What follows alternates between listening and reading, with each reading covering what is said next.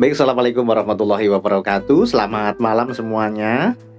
Eh, ini pertama kali saya post apa ini namanya nih podcast atau apa sih? Nah, gitulah. Pokoknya itu aja. Eh, ini bagian dari inovasi yang saya buat sebagai tuntutan pekerjaan di masa pandemi. Karena eh, oh ya, sebelumnya saya perkenalkan dulu nama saya Salahuddin Yusuf biasa dipanggil Bang Yusuf gitu ya. Uh, pekerjaan saya sebagai ASN di lingkungan kantor Kementerian Agama di Kabupaten Tegal, Jawa Tengah. Ya. Paham kan Tegal dengan ngapaknya yang terkenal dengan satenya. Iya. Ada tuh sate uh, namanya apa ya? Uh, batibul kalau nggak salah tuh dari kambing yang usianya bawah tiga bulan gila ya bawah tiga bulan aja udah disembelih ya. Dagingnya uh bener-bener. Apa ya kalau saya ngomong sih itu amoh gitu ya. Amoh itu apa ya bahasa Indonesia nya sorry nih uh, sambil ngopi-ngopi gitu kan. Iya uh, saya sebagai ASN di lingkungan kantor Kementerian Agama Kabupaten Tegal uh, jabatan sih jabatan biasa aja sebagai penyuluh agama gitu kan ya. Makanya tadi saya awal menyampaikan dituntut untuk bisa berinovasi. Maksudnya pada masa pandemi ini kan eh, nggak eh, boleh tuh yang namanya eh, melakukan perkumpulan ya pertemuan gitu kan. Sedangkan tugas saya memberikan penyuluhan gitu. Makanya eh, ketika awal masa pandemi itu kemudian kami dituntut untuk berinovasi uh, saya melakukan rekaman kemudian bikin video gitu kan ya kajian-kajian yang saya share di Facebook kemudian saya share di grup saya masukkan ke channel YouTube saya gitu kan. Dan ini uh, saya baru dengar gitu ada podcast podcast awalnya sih kalau saya lihat uh, di acaranya Mas Dedi kan kayaknya kok asik banget gitu kan kalau umpamanya uh, penyuluh agama melakukan podcast gitu gitu kan ya. Dan ini sebagai postingan awal gitu dari saya. Uh, rumah saya di Tegal juga ya di daerah Selawi. Uh, tentunya kalau orang-orang itu mengenal Tegal uh, ada daerah namanya Guci ya. Guci itu ada sumber air panasnya. Di situ banyak lah ke situ ya. Uh, apa namanya tempat-tempat ya. Ada villa, ada tempat untuk berenang dan ada makanan khas. Ini saya juga lagi makan ini makanan khas dari Tegal itu adalah tahu aci ya. dan juga ada pilus tapi ini pilus sudah nggak ada. Kalau saya makan pilus malah kletak-kletuk nanti kan. Pilus itu biasanya dimakan sama apa ya? Buat campuran bakso gitu. Emang lebih enak sih. Ada lagi makanannya namanya soto gitu ini.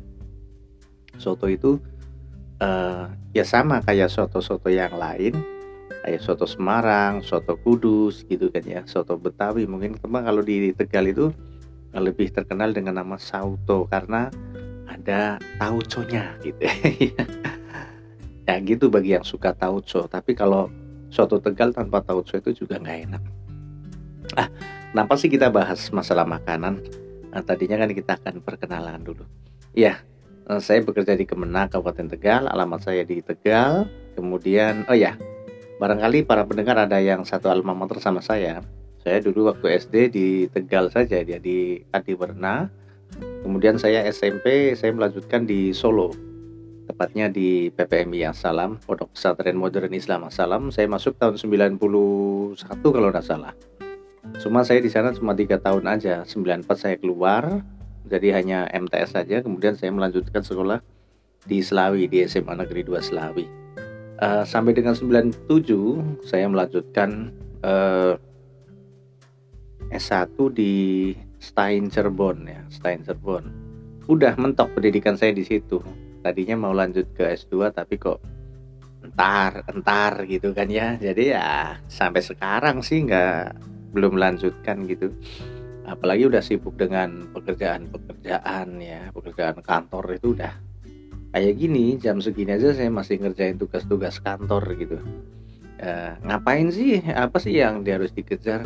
Bagi saya sebuah pekerjaan itu adalah satu tanggung jawab gitu saya sudah digaji oleh pemerintah setiap bulan dikasih tunjangan ketika kinerja tidak tercapai. Aduh rasanya malu banget itu sama yang ngasih rezeki gitu ya sama Allah Subhanahu wa taala. Nah, kok segitu amatnya gitu kan ya? Ya memang begitu. Kalau sifat orang kan masing-masing.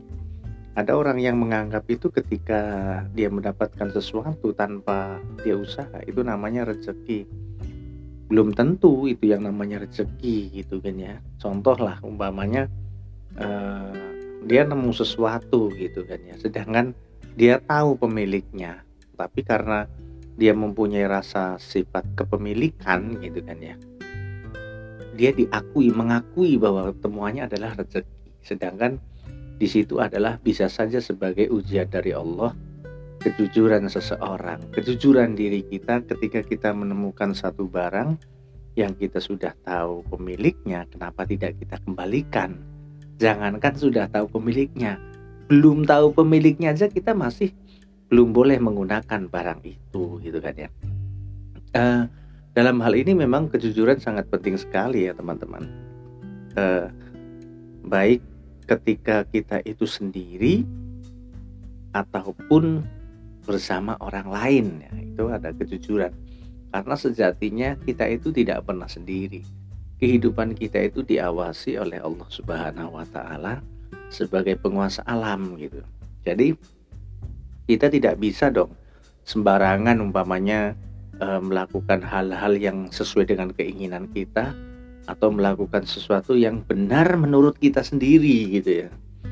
Nah, itu lebih berbahaya, benar menurut kita sendiri gitu kan ya. Bolehlah ketika kita mau mencari hiburan, ketika kita mau berbelanja, ketika kita mau melakukan hal-hal tertentu menggunakan materi uh, diri sendiri. Tetapi sejatinya kalaupun kita punya hak ternyata kita dibatasi oleh hak-hak orang lain. Begitu ya teman-teman ya.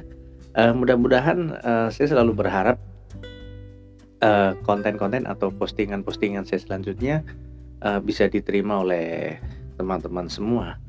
Walaupun uh, jujur saya sebenarnya pesimis.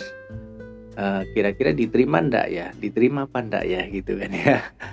Kalaupun uh, diterima ya syukur alhamdulillah, kalau tidak pun tidak apa-apa begitu uh, mudah-mudahan nanti pada berikutnya uh, saya bisa menemukan tema-tema yang cukup menarik untuk teman-teman semua.